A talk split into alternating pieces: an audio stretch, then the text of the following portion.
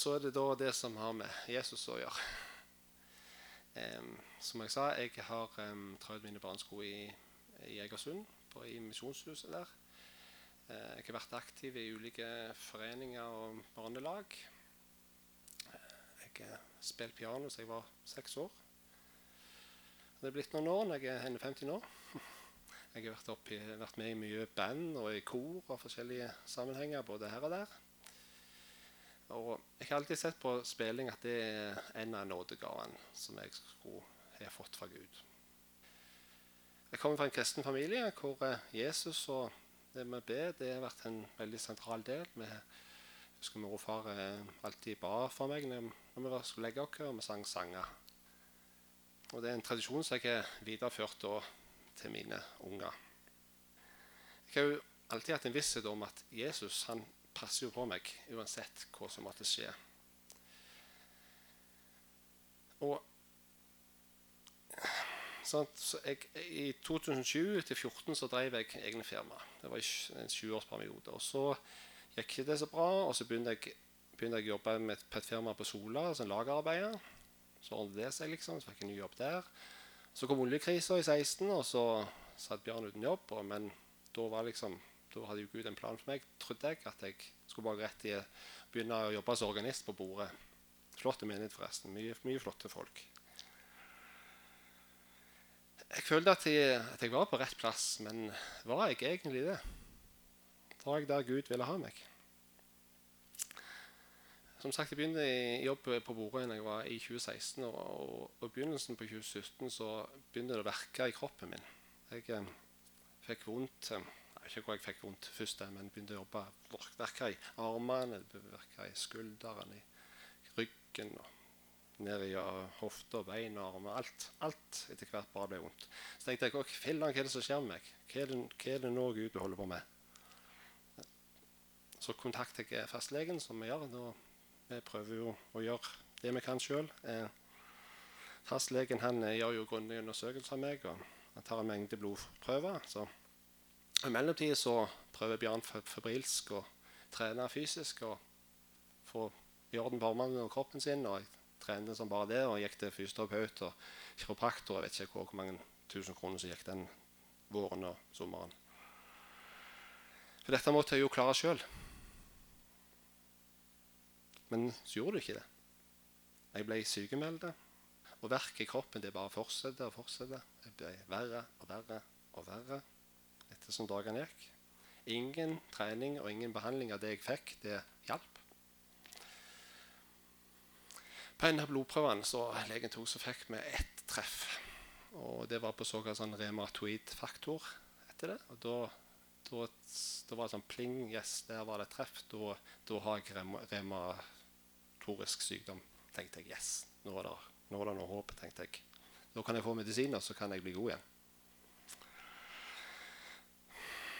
Trodde jeg. Så rett etter sommeren så i stor tro og i stor forventning så gikk jeg til spesialist i byen.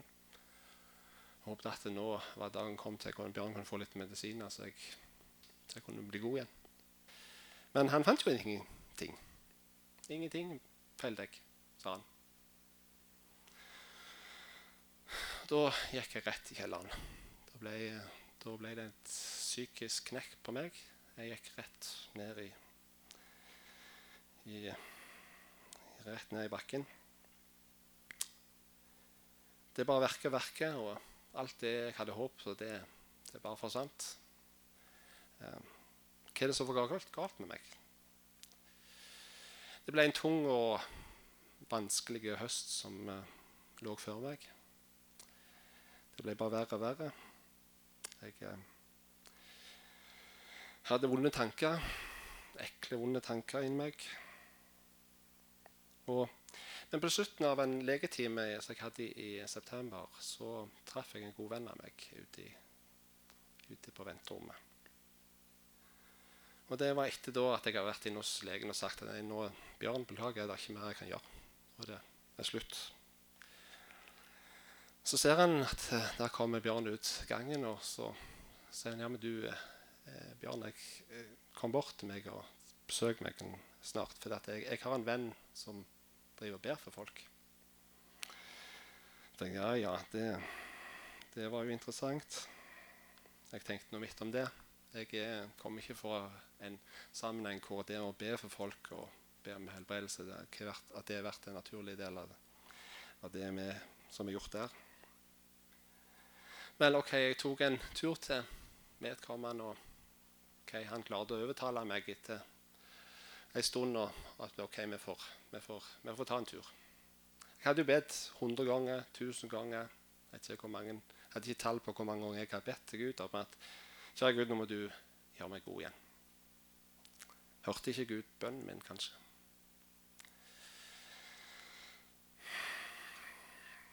Sjette oktober skal vi reise opp til Eiken. Dagen før, på, en, på en torsdag den 5. oktober, så ligger jeg i sengen, eller i, ligger i sofaen i stua, og så jeg klarer ingenting. Jeg orker ikke engang gå ned på butikken der på Joker der jeg bor. Det er 100 meter ned gata, for det er så tungt å gå opp bakken. Jeg klarer ikke, orker ikke å gå opp den lange, forferdelige bakken. Jeg orker ingenting. Så sier jeg til sønnen min på 14 at eh, jeg tror nå klarer ikke pappa å spille mer, så nå tror jeg du må overta. Nå er, min karriere og alt pianospilling og Nordegave parkert. Tidligere på dagen så hadde en barndomskamerat av meg eh, ringt til meg. og Han er forresten sosialsykepleier. Jobber, jobber mange år på 113 på akutten. Og Han fortalte meg etterpå han var alvorlig bekymra for kompisen sin. Eh, at jeg var, hørte hvor alvorlig psykisk syk jeg var. Jeg var, rett, jeg var så langt nede som jeg noen gang har vært i mitt liv. Så kom dagen. 6. oktober, fredag. Så setter jeg meg i bilen. Kjører bort til vedkommende som er ferdig på jobb. Borte på, han jobber på Jæren. Og så er de i gang å kjøre opp til lange turen, to og en halv time opp til Eiken. Og jeg, eh, det var en lang tur. Jeg, eh, spiste veldig lite i dagen og ukene før, før det her. Jeg, jeg, hadde ikke matlyst. Og jeg husker jeg gikk innom eh, Tonstad bakeri, som nok fleste besøker på den veien. Så kjøpte jeg et lite skolebrød, for det pleide jeg jo alltid å gjøre. Så, men det, det, var ikke noe veldig god smak på det brødet. Så ankommer vi Eiken og til Olav Nøkland. Han eh, står um, forbi døra og tar imot mot meg. Og inne så, så venter Ruth og kona på meg. Og de stelte i stand mat. Og Bjørn han, jeg spiser ikke så mye. Jeg klarer å spise så vidt. Jeg klarer å trykke i meg en liten skive. Og så etter en stund så vi, er det tid for å gjøre det som jeg var kommet for å gjøre. Det var å bli bedt for. Så går meg og Olav inn på kontoret, og så tenkte jeg ja, ja. Får vi se om det skjer noe. Og så snakker vi litt om løst og fast. Og, så husker jeg Olav bare, bare sa han, ikke, han ikke, sa ikke så mye, da, men han sa bare 'løs han ut', sa han. Løs han ut. Og så i da, rett da han sier det, så bare altså Da sitter jeg da i full smerte i hele kroppen min. Så kjenner jeg bare en, en på en måte en, en, en kraft eller en hånd bare tar og bare går bare inni meg, og så tar han fra beina opp, og så bare røsker han bare alt ut. Og så er det bare, føler jeg at jeg er bare rett opp i himmelen. Så jeg bare, så jeg bare på null komma svisj, så er smertene mine aldeles fullstendig vekke. Endelig etter tusenvis utallige bønner om helbredelse, så var endelig tida inne for å kunne sette meg i frihet. All den streben som jeg sjøl hadde gjort for å få det, for å gjøre meg frisk det hadde ikke vært vellykka. Og til og med nådegaven min, spillingen, den, til og med den måtte jeg gi opp og overlate til sjefen. Gud måtte parkere hele meg, hele Bjørn. Og Først da når jeg ikke hadde mer kraft igjen, først da var det mulig for Gud å gripe inn og sette meg i en frihet. sånn som hjertet mitt kunne bli fulgt opp av Guds uendelige nåde, fred og kjærlighet. Og når jeg reiste hjem, så var jeg jo i, var jeg i lykkerus. Jeg var ikke hvor jeg var oppi. Et eller annet.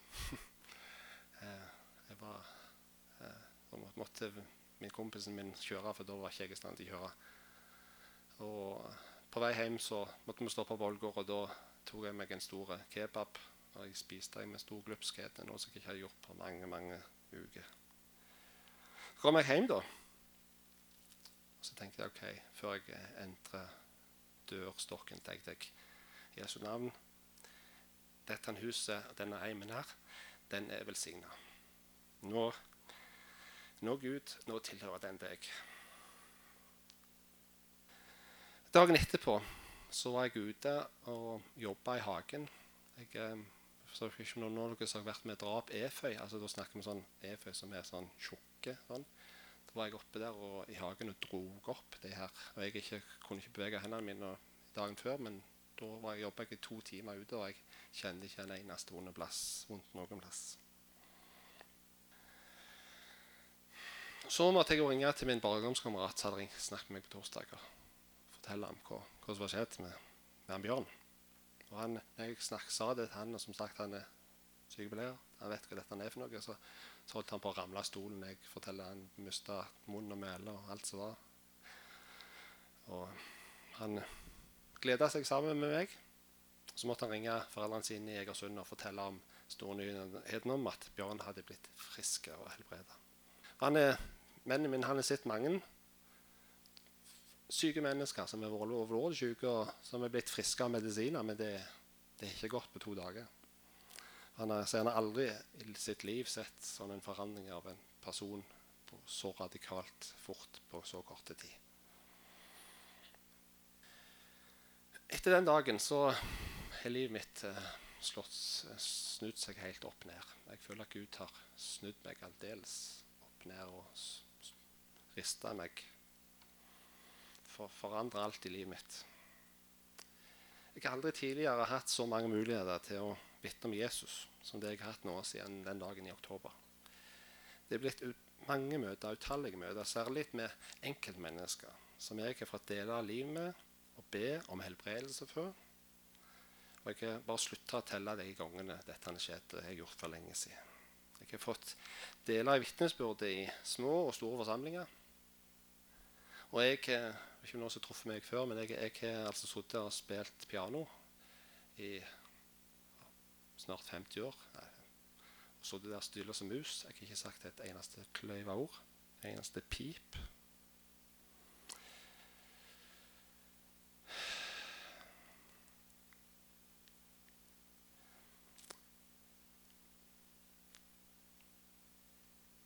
Jeg tenker at jeg har fått en noen frimodighet. Så å kunne stå her og i andre sammenhenger kunne stå og fortelle om Jesus med en frimodighet som jeg aldri trodde jeg skulle noen gang skulle få, og jeg trodde jeg hadde. Og Jeg har personlig fått se mange ganger at bønnens kraft er virksomme, og at mennesker er helt blitt helbreda når jeg har bedt. Men jeg må òg dessverre si at jeg får noen kommentarer fra enkelte at det er jo ikke vits i å be. Det er jo så mange som ikke blir friske. Da blir jeg trist og så blir jeg lei meg. For jeg har jo sjøl fått en erfaring om at det med, med bønn, det, har, det, virker. Gud kan gripe inn, men hvor og når Gud griper inn, det er det Gud som bestemmer. Det er ikke opp til dere. Jeg kommer iallfall til å fortsette å be for de som jeg vet trenger forbønn. Så lenge jeg lever, iallfall. Og tenk om vi alle kunne istedenfor så ofte si jeg at jeg tenker på, meg, på deg når vi hører noen ha litt vanskelig, istedenfor å si jeg ber for deg. Eller konkret der og da be for vedkommende at uh, Gud må gå inn, helbrede og reise opp. For det er det han gjør. Så er det ikke sånn at, at mitt liv nå er høres ut som at det er alltid fryd og gammen. For det det er det ikke. Og at alle smertene i kroppen min er vekke. Jeg, Fikk i fjor høst en kronisk senebetennelse i begge hendene. Det er jo litt dumt når jeg er organist. Og det ble verre og verre i fjor. Og jeg fikk behandling. Prøvde det òg, men det hjalp ikke. Jeg ba til Gud. Sa til Gud at hvis nå har du satt meg i din tjeneste, trodde jeg, så fikser du det med hendene mine. Det, det ordner du. Nå, nå, nå, ordner du opp i det. Nå, du, du, jeg vet du ordner opp. Nå ordner du opp nå òg. Jeg ba konkret om å Jeg, jeg, jeg satte en frist fram til jul i fjor. At jeg er ikke gode nok gode da, så er det stopp. Og til jul så ga ikke senebetennelsen seg. Jeg følte at det sto stopp på veggen med fem utropstegn bak. Jeg måtte spille min siste gudstjeneste på bordet i Bore menighet første juledag. Gikk til fastlegen sa, at, jeg sa hvordan ting var. Så sa han til meg Bjørn, et, nå har du spilt rekviem, sa han til meg.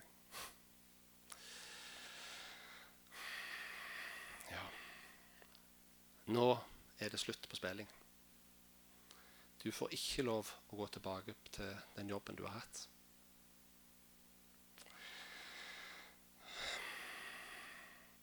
Men så tenker jeg OK, ja vel.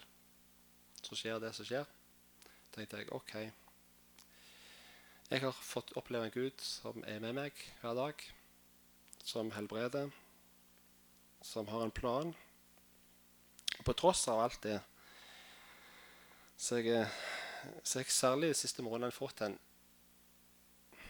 si en litt underlig måte, for den en måte fått en fred over livet mitt. En, jeg, jeg, vet ikke om jeg kan forklare hvordan det er, men det, det er sånn at jeg er, jeg er, rett og slett ikke bekymra hva som skal skje.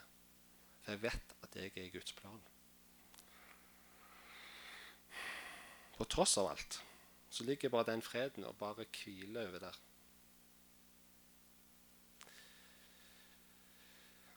Gud har en spesiell plan for meg. En spesiell, spesiell, plan for deg òg. Jeg skal ikke jobbe som organist lenger. Den døra var lukta. Og hvor nå den planen måtte være, den ligger i Guds hender. Punktum finale. Den er ikke min plan. Nå vil jeg gå etter Guds plan hver eneste dag i livet mitt. Og som sagt, jeg, jeg, jeg får lov nå å møte mye enkeltmennesker. Forrige uke fikk jeg besøk av en venn som si han var ute på kjøret. Vet dere hva er? Jeg bedt lenge om at han måtte ta kontakt igjen. Så gjorde han det.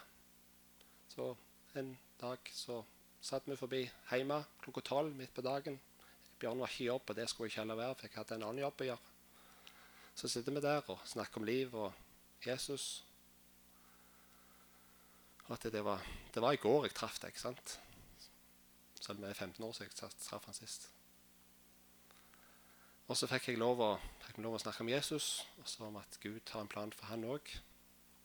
Eh, jeg fikk konkret lov å være med og be for han, legge hånden på han og be om helbredelse. Om at Gud måtte løfte han opp.